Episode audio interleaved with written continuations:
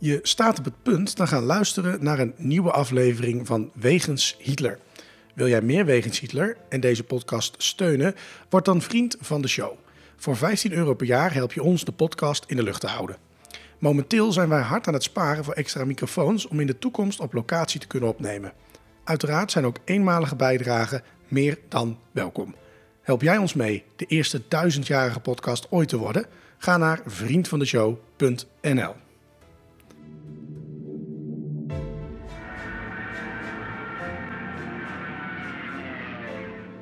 Wegens Hitler. De podcast over Adolf Hitler.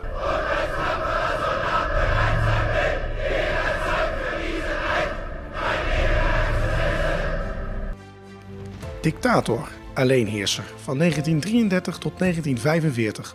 Een man met miljoenen doden op zijn geweten. Das war ein Befehl! Der Angriff Een man waar ongelooflijk veel verhalen over te vertellen zijn. Ook al die jaren na zijn dood.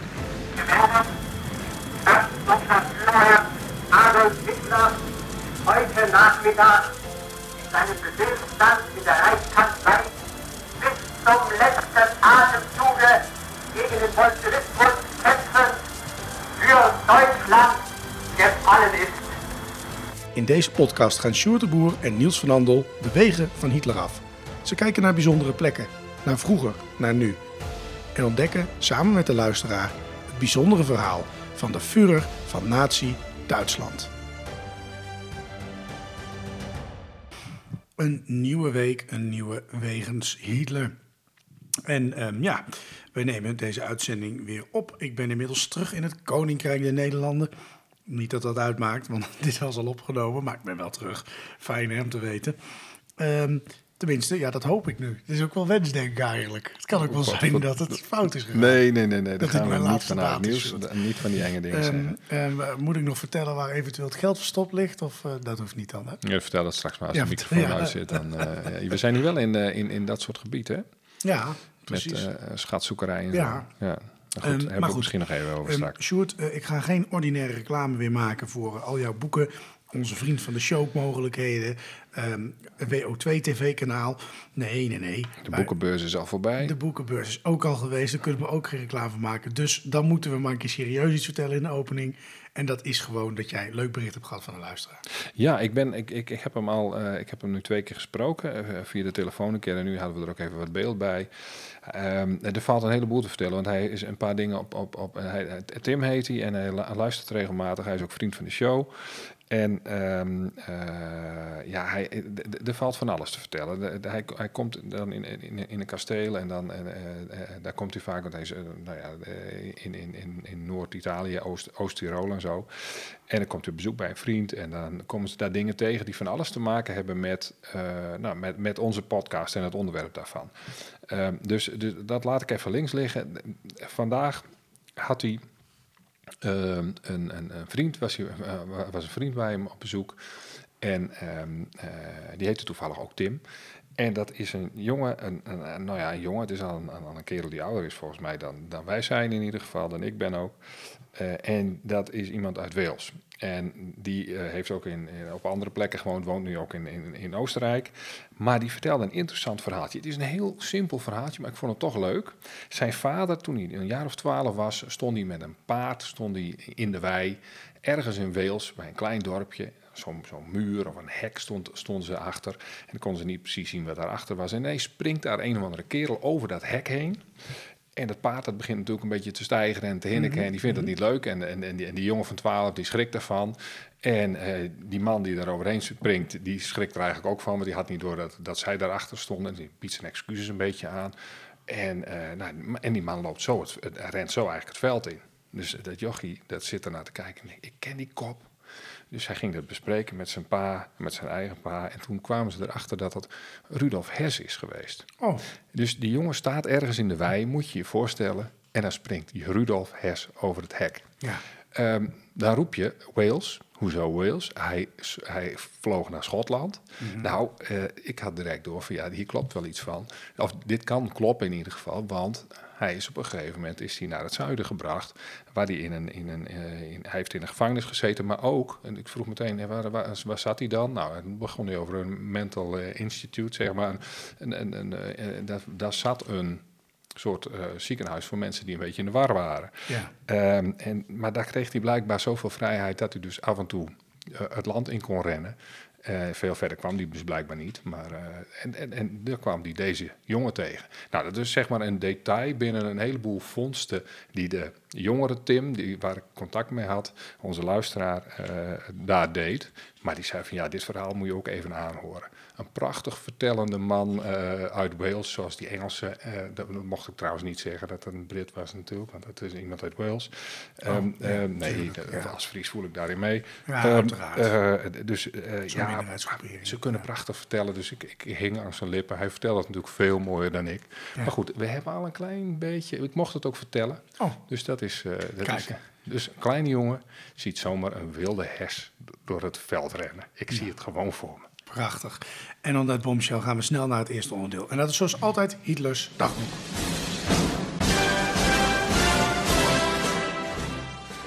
Hitlers dagboek. Het leven van Hitler duurde 20.463 dagen. Wat deed Hitler op deze dagen? Waar bevond hij zich? En vooral waarom?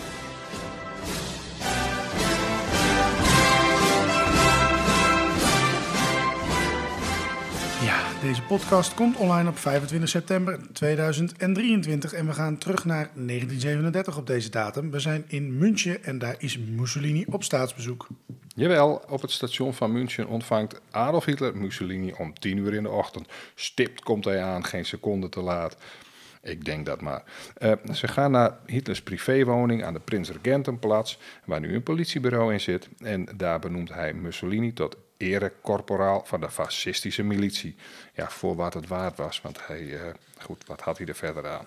Om half één leggen ze een krans op de Koningsplatz, de plek waar de eretempels zijn, waar de doden van de putsch van 1923 zijn begraven. En dan doet hij, zeg maar, wat je dan wel vaker krijgt, een soort tegenbezoek in het tijdelijke verblijf van Mussolini aan de, in het eh, Prins Karl Paleis. Dat ligt zeg maar tegenover het Huis eh, der Duitse k- eh, Kunst, eh, waar ze daarna een bezoek aanbrengen. Daar ben jij waarschijnlijk bij in de buurt geweest, eh, ook in Ik ben München. er binnen geweest, ik heb toch plaats. Minder geweest. Oh ja, nou ja, goed. eh, dat is ook het beste wat je daar kan doen, geloof ik. Eh, nee, valt wel mee. Ik weet niet of er... Er zijn geen permanente exposities volgens mij, maar eh, af en toe wel. Ehm, nou, dan, dan eh, eh, eh, eh, vindt zeg maar een, eh, eh, eh, een inwijding plaats van, van eh, Hitlers nieuwe kantoor in München. De, de vurenbouw aan, eh, aan, de, aan de Koningsplatz. En ehm, nou ja, om, om 12 uur, eh, eh, of 12 minuten over, over ehm, eh, zeven vertrekt ehm, Hitler dan naar het noorden met de trein naar Schwerin. En die, in die omgeving gaan ze legeroefeningen bekijken. Nou, een grote kans dat Mussolini eh, apart van hem in een andere trein reisde, dat staat er niet per se bij, maar zo ging het wel. Want hij gaat daar ook naartoe. Nou, die oefeningen vinden dan de volgende dag plaats en daar gaan ze dan bij kijken. Ja. Nou, interessant. Leuk om, eh, om eh, interessant om gehoord te hebben. Leuk mag ik niet meer zeggen. Ehm, we gaan snel naar het belangrijkste onderdeel. En dat is zoals altijd de plek. De plek. Bijzondere plekken of verhalen die te maken hebben met Hitler. Ja, de plek is dit keer de Rijksdag of eh, de Bondsdag, eh, net eh, hoe je hem wil noemen. Hij wordt wel genoemd, zeg maar, dat de Eerste Wereldoorlog Hitler mogelijk heeft gemaakt. Hè? Zonder Eerste Wereldoorlog geen Tweede Wereldoorlog. Ehm, en zonder Hitler waarschijnlijk nooit geen Tweede Wereldoorlog. Eh, maar er waren in het verleden ook andere verklaringen voor de opkomst van het Derde Rijk en van Hitler. En de Hitler-biograaf Ian Kershaw stond aan het begin van deze eeuw ehm, ehm, ehm, in de Hitler-biografie, zal ik maar even zeggen, stil bij die verklaringen. En daarover gaan we het hebben. En de plek is dan vandaag het democratische centrum van het huidige Duitsland, de Bondsdag, ooit de Rijksdag, in Berlijn. Ja, een verklaring voor die opkomst van Hitler, ik noemde het net dus al, ehm, was die oorlog.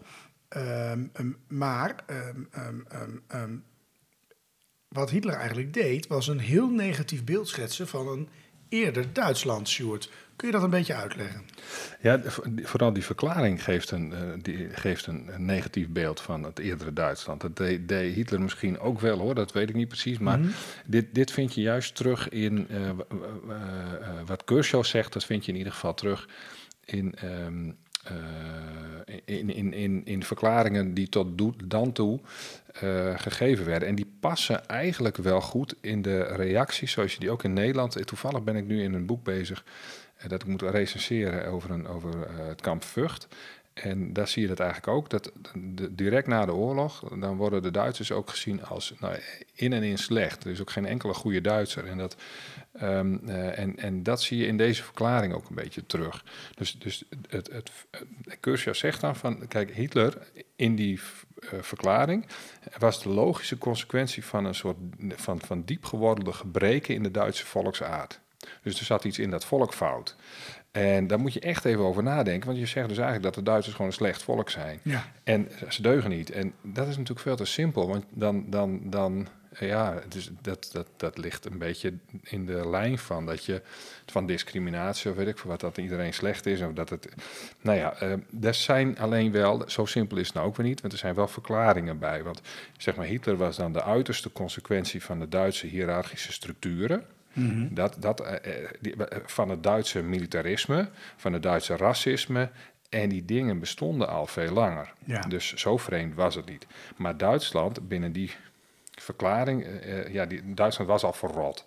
En uh, als je dat dan wil bewijzen, dan ga je zoeken naar voorbeelden en ga je alles in dat licht zien, zegt Kershaw dan.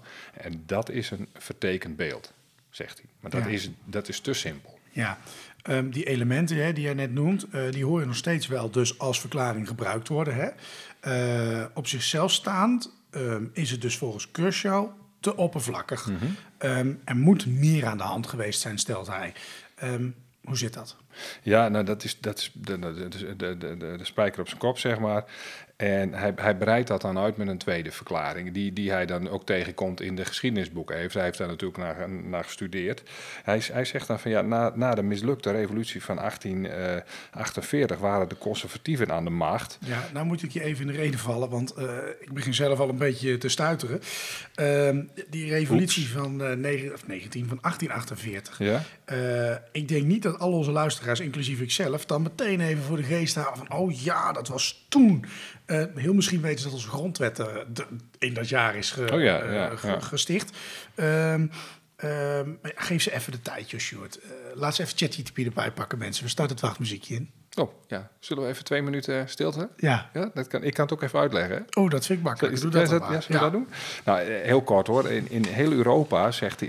Ik, ik praat gewoon Kershaw na. Hè. Dat vind ik helemaal niet erg, want daar ben ik hartstikke trots op. Die man was goed. Die hij is er nog steeds trouwens. Ja, maar in, in, ja, in, in, in dat boek in ieder geval. En, en andere ook. In heel Europa brachten revoluties in die tijd veranderingen. En in 1848 wilden ze dat in Duitsland ook. En dan kwamen bijvoorbeeld krachten die dat wilden... kwamen bijeen in Frankfurt... En, met het doel van we maken een nieuwe grondwet voor heel Duitsland. En ja, dan was de vraag, hoorde Oostenrijk daar dan ook bij? Nou, ze werden het daar niet over eens, uh, over dat en meerdere dingen. En die revolutie mislukte. En uh, ja, dan moeten we natuurlijk wel even snel in ons achterhoofd bedenken van ja, Hitler was natuurlijk wel een voorstander van een groot Duitsland. Dus ja, ja goed, nou ja, dat speelde toen al. Ja, nou goed, prima. Ik weet nu dat er in 1848 iets gebeurde. Uh, en uh, nou, nu ik dat weet, dan, dan kunnen we het ook gaan hebben over die periode daarna dan. Hè. Uh, die zou uh, ook kunnen verklaren waarom Hitler aan de macht kon komen. net zoals die eerste wat, nou ja, wat gemakkelijkere verklaring, zou ja, maar zeggen. Ja, ja. Binnen deze verklaring spelen in Duitsland verschillende elementen een rol. Uh, nou, ook, die, er vallen ook wel weer dezelfde termen hoor, maar de conservatieven waren aan de macht. De grootgrondbezitters waren vaak uh, conservatief, maar hadden natuurlijk ook heel veel macht. En die speelden ook een belangrijke rol in de legerleiding. Die deden van alles om democratie tegen te houden. En toen kwam Otto van Bismarck. Uh, die zorgde wel voor eenheid in Duitsland, maar dat was weer een eenheid van bovenaf. Onder voorwaarden van Pruisen en niet van Oostenrijk. Uh, ja. Maar hij maakte van Duitsland wel een eenheid. Ja. De conservatieven waren nog steeds de baas. En dat was in het Derde Rijk natuurlijk nog steeds zo. Uh, alleen zat de Weimarrepubliek er nog tussen. Die was mislukt en de oude structuren, de mentaliteit, de instellingen waren nog aanwezig. En die waren eigenlijk niet geschikt voor de nieuwe tijd, is dan de, het verhaal. Hè? Mhm. Denk aan dat groot grondbezit, denk eraan dat er geen democratie is. Uh, denk aan de macht van de adel. En dan komt Hitler dus op als een soort protestbeweging. Met, met toch achter de schermen nog steeds diezelfde machthebbers. die stiekem ook nationalistisch waren. Ja, um, oké. Ik moet zeggen, klinkt allemaal logisch hè, uh, te verklaren. Maar toch was Kershaw met deze verklaring nog niet tevreden. Hè? Nee, dat is ook, het is ook niet zo een man die heel erg uh, makkelijk en simpel denkt. Die wil natuurlijk wel even uh, een, een, beetje fatsoenlijke verklaring. Een echte, een echte historicus. Ja, hij, hij geeft zelf ook wel, wel toe hoor, dat dit wel een overtuigend verhaal is. Maar dat het hem toch weer een beetje te simpel leek. Want hij, hij, hij, hij zegt van ja, we hebben dat onderzocht. We, we, er is naar gekeken. En uh, dan vergelijken ze de Duitse sociale-economische uh, ontwikkelingen maar die, met, met die van andere Europe Europese landen. En dan, dat week eigenlijk helemaal niet zo heel erg veel af. Uh, dat zorgde wel voor spanningen tussen oud en nieuw en zo, de oude macht en de nieuwe macht. Maar dat was ook zo in andere landen. Hij geeft alleen toe dat in Duitsland waren ze wel wat heftiger. Ja, um, er moeten dus andere zaken meegespeeld hebben. Ja, ja dus, dus dan, dan zit je al in de hoek van een, van een, van een, van een, uh, weer een uitgebreidere verklaring. Het, het, Duitse grondwettelijke systeem was anders dan in andere landen, legt hij uit. En dat, toen ik dat las, toen dacht ik van, oh, wacht eens even, hoe zit dat dan? Nou, uh, uh, in, in de landen om Duitsland heen was het systeem soepel genoeg om zich aan te passen aan de sociale en politieke eisen van de nieuwe tijd. Maar in, in Duitsland zaten er ook meerdere partijen in het, in het parlement maar, weet je, die, die waren er wel. Maar een echte parlementaire democratie werd geblokkeerd door de adel. Die hadden de grond uh, in hun bezit, zaten vaak in de legertop, in de ambtenarentop. En hadden ook een deel van de partijen in het parlement waren eigenlijk gewoon, daar zaten ze in. En dan had je nog de rol van de keizer. Nou, die benoemde de rijkskanselier, maar kon zijn steun ook gewoon intrekken. Uh, zonder rekening te houden met democratische meerderheden. Ja. Kijk, dat is natuurlijk niet democratisch. Dat lijkt trouwens een beetje op de macht van de rijkspresident uh, ja, die, van later. Hè? Ja, die kon Hitler immers uh, gewoon alles laten doen. Ja, ja. En, en, en, vervolgens stond ook de regering, dat vond ik wel opmerkelijk, boven het parlement. In theorie was die regering zelfs samengesteld zonder rekening te houden met meerderheden. En uh, over belangrijke zaken zoals buitenlands beleid en het leger had de Rijksdag ook eigenlijk niks te zeggen. En nee, men vroeg wel om aanpassingen van dat systeem, maar de gevestigde orde ging daar niet op in. Uh, maar ja, er was dus wel druk op dat systeem voor de Eerste Wereldoorlog. Ja, um, er is dus een verandering, dus beweging in je land. Uh, jij wil je macht houden, dan kan ik me voorstellen gather around the flag, dat werkt nog steeds. Hè? Um, um, uh, je achter de leider willen scharen op het moment van moeilijke tijden. Dus zo'n oorlog, ja, dat, dat, dat lijkt me een prachtig middel om uh, mijn macht te kunnen behouden. Ja, het, het, zal niet de reden zijn waarom ze eraan aan, begonnen zijn misschien. Maar ja, ze moet, je moet natuurlijk op een gegeven moment wel mobiliseren. Dus ja, of dat nou ja, daarmee te maken heeft, vast. zonder oorlog was het sowieso moeilijk geweest die oorlog was er op een gegeven moment. Het was, het was moeilijk geweest om een constitutionele monarchie en een parlementaire democratie voor elkaar te krijgen in Duitsland in ieder geval. Uh, omdat die ouderwetse tegenmacht gewoon te sterk was. Mm -hmm. en, en, de heersers van voor de oorlog waren te ondemocratisch, maar na de Eerste Wereldoorlog keert dan het tij en startte dan een republiek. Um, en daar, daarmee een periode uh, waarin er voor Hitler ruimte kwam. Uh, die zelfs trouwens weer door conservatieve krachten werd gesteund op den duur. Hè? Ja, nou, die, die, dachten dat ze hem ook konden gebruiken voor hun zaak. Ja, ja, ja absoluut. En dat, voor een deel lukte dat ook wel. Hè? De mensen die met veel geld, die, die steunen hem ook. En dat maakte er ook, zorgde er ook weer voor dat hij daar ook wel een beetje rekening mee moest houden. Nou, die, die ideeën van het Derde Rijk bestonden al voor de Eerste Wereldoorlog. Dat is natuurlijk wel goed om te uh, concluderen. Eind 19e eeuw was er al no nationalisme, hebben we al gezegd, ook in Oostenrijk. Hitler leerde dat volop kennen. En dan had je ook nog steeds het idee dat de Duitsers een eenheid moest, moesten zijn. En dat wilde Hitler net als de mensen in het verleden. Hij had respect voor Bismarck. Uh, die had dat wel gerealiseerd. Onder Bismarck waren Polen, Joden, katholieken en socialisten ook buitenstaanders. En, uh, maar goed, dat was niet echt gelukt. Bismarck die, die, die, die, die eh, kreeg het een en ander voor elkaar, maar zorgde er ook voor dat er een sterker katholicisme en een sterkere socialistische partij was. Ehm, want ja, die onderdrukking, ja, dat leidt helemaal niet automatisch toe eh, tot een afname van, van mensen met een andere mening. Nou, eh, ja. Bismarck wordt op een gegeven moment weggestuurd. Dat Ja. weten we ook allemaal. Ja, ja, Tenminste, ik denk dat je dat weet als je dit luistert. Maar ja, maar dan is het toch weer een roep om een sterke man. ja, Want ja, je hebt dat, eh, die eenheid heb je, heb je gehad en dat willen ze dan terug. Ja, ik, ik weet niet of jij dat ook wel eens hoort in jouw kring om je heen, maar ik ben zelf ook wel bijvoorbeeld. Ik denk ook wel eens van, het zou toch lekker zijn als iemand gewoon hier even, in Nederland is ook een hele open hand, gewoon even vijf jaar een eh, verlichte spoot en even lekker de bezem er doorheen. Ja, maar dan zeg je meteen een verlicht despoot. Dan moet je maar net een mazzel hebben dat hij ook zo verlicht is dat hij daarna weer weggaat. Ja, dat is waar. We Dus ik door. vind dat altijd een, Ja. een, een, een, gevaarlijk experiment. in Rome hadden ze dat wel, hè? Een dictator voor een jaar of zo. eh, en dan werd je eruit geknikkerd. Ja, ja. Moet wel zeggen dat ze daar eeuwig burgeroorlog ja, daar moet je van is die spelletjes podcast. van maken. Van dan, dat je dan op een gegeven moment in de Hunger Games terechtkomt, zo Ja. na een jaar. En dat je dan maar moet zien te redden. en dat je dan altijd zorgt dat hij verliest. Ik vind het een heel interessante Ja, zaak. nou ja, laten goed, we teruggaan. eh, laten Roep we- om een sterke man. Sorry. Ja, eh, k- kijk, de, de- ehm, eh, dat nationalisme had ervoor gezorgd dat Duitsland een eenheid was, zegt Kershaw dan. Maar zegt, hij zegt nou, dat zijn ze wel echt met de blik naar binnen bezig. Ze kijken niet naar buiten, Duitsland. En voor de rest vinden ze, de, vinden ze Rusland en Frankrijk maar eng. Eh, die nationalisten die zijn gewoon bang voor, voor, eh, nou de- voor, voor, voor een strijd met die landen, met, met Rusland en Frankrijk. Ehm, en dat rassenbewustzijn, kijk, dat was ook al ouder. Dus, dus ehm, er zijn steeds weer van diezelfde elementen die een rol spelen. En Kershaw is er best wel kritisch op. En, en zegt wel van dat speelt allemaal een rol. En eh, dat, dat nationalisme, dat, dat, dat, dat speelde al een rol. De vijand van binnenuit, van bi- binnenuit dat waren de Joden. Eh, dat speelt al langer een rol. Voor de geboorte van Hitler waren er ook allerlei antisemitische geschriften. En onderzoek van, naar rassen vond al plaats voor het Derde Rijk. Dat startte zelfs in Groot-Brittannië en werd toen internationaal. Eh, en nou ja, die- andere kant, rassenleer was nergens eh, zoveel, eh, kreeg nergens zoveel aanhangers in Duitsland.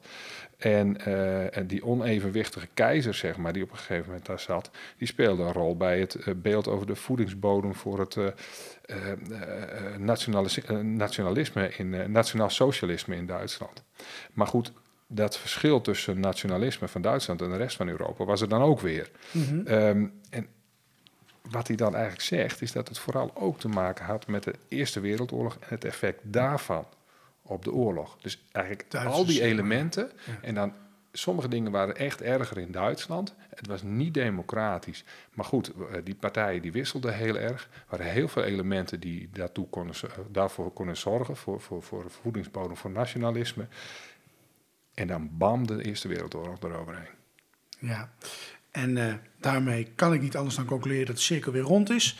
Eh, veel elementen in Duitsland waren, hè, dat heb je eigenlijk net uitgebreid verteld, eigenlijk Kershaw na verteld, ehm, eh, die van invloed waren op hoe het zo is gelopen. En misschien hebben alle theorieën er toch wel iets mee te maken. Maar het verschil met de andere landen was de, van de Eerste Wereldoorlog. ehm, was dat Duitsland met al die structuren en ideeën en wensen die er ook in andere landen waren, wel de verliezende partij was en geen echte democratische basis had. En die naoorlogse mengelmoes kon Hitler uiteindelijk aan de macht brengen.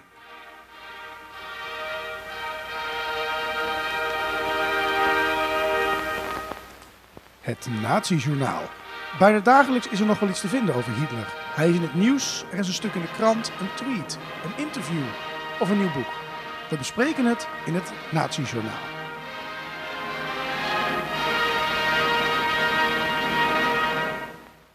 Het Nazi-journaal. Ehm, ja, een week of twee geleden is dit nieuws al als deze uitzending online komt. Maar ehm, de verzetsheld Jan Zwartendijk... die eh, krijgt ehm, postuum eh, de erepenning voor mensenlievendheid... hulpbetoon in goud. En dat is de oudste en belangrijkste dapperheidsonderscheiding buiten de strijd... en is voor het laatst in 1964 toegekend. Dat is dus echt 60 jaar geleden. De demissionair premier Rutte overhandigde de erepenning vanmiddag aan Zwartendijks kinderen. Ehm, Mooi. Ehm, dan kun je afvragen, wie was Zwartendijk? Misschien weet je dat niet. Zwartendijk was een diplomaat, Van 1896 leefde hij tot 1976 en redde aan het begin van de Tweede Wereldoorlog in Litouwen het leven van duizenden Poolse Joden door ze te voorzien van een Nederlands visum. Zwartendijk was destijds directeur van Philips in Litouwen en plaatsvervangend consul. Dat was toen een co-baantje, klaarblijkelijk. Um, in de zomer van 1940 schreef hij in 10 dagen tijd 2345 visa uit. Zo. Uh, nou, dan, uh, dan heb je niet stilgezeten. En op één visum kon soms een heel gezin reizen. Zo konden de Poolse vluchtelingen via de Sovjet-Unie naar Japan. Zwartendijk werkte samen met de Japanse consul Shugi, Sugihara. Nou, ik weet niet of ik het goed Je uitspreek. spreekt ook al Japans, joh. Sugihara. Ja. Sugihara. Maar Maar, eh, het doet mij denken aan dat verhaal over, die, eh, over de Amerikaanse eh, ambassade. Weet je wel? Dat, ze daar, dat er ook mensenmassa's, of nou ja, de behoorlijke rijen stonden om een visum te krijgen. En dat ze dat lang niet altijd voor elkaar kregen. Nee. Dat ze daar, nou ja, hij heeft dus. Doet mij echt- denken aan die beelden van Afghanistan van twee jaar geleden.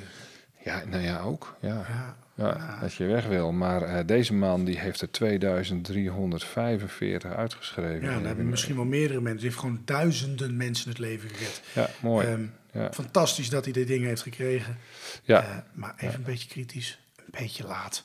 Toch wel, Mhm. denk ik. Ja. Ehm, daarna zag jij een- iets op televisie, een tijdje geleden al. Ja, het, kwam weer terug op tv. En, en we zitten natuurlijk een beetje eh, met die rare vakantie van jou. Dus, dus dit is ook een beetje oud nieuws. Ehm nou, dat ja, geeft niet, want ik vond het, ik vond het best... Best. best kranten ook, kopen mensen ook.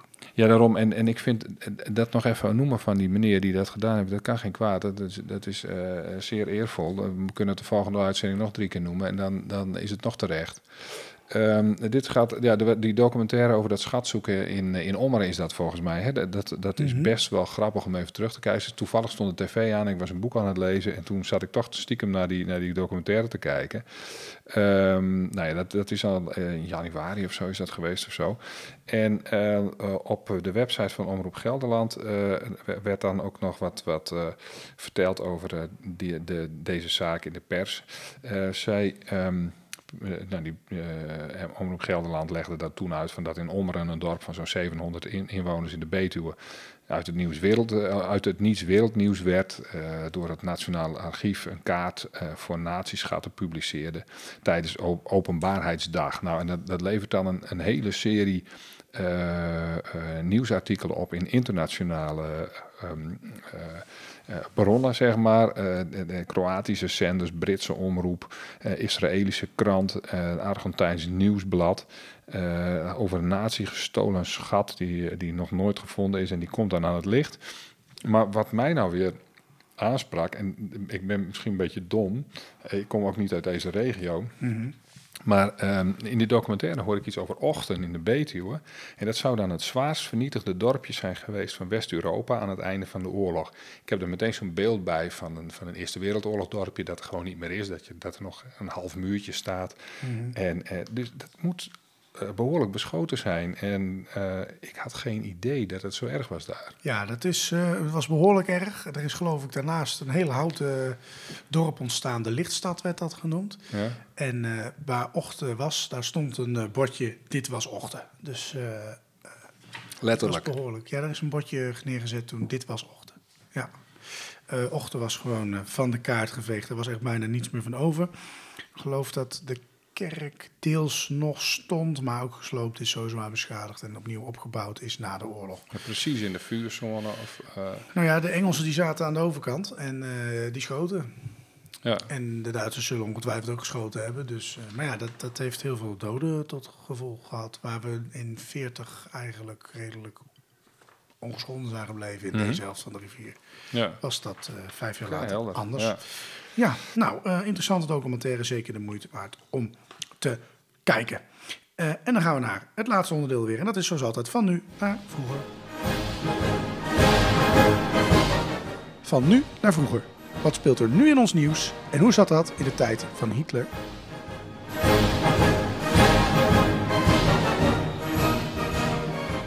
Ja, in het nieuws was dat het internationaal strafhof een kantoor opent in Kiev.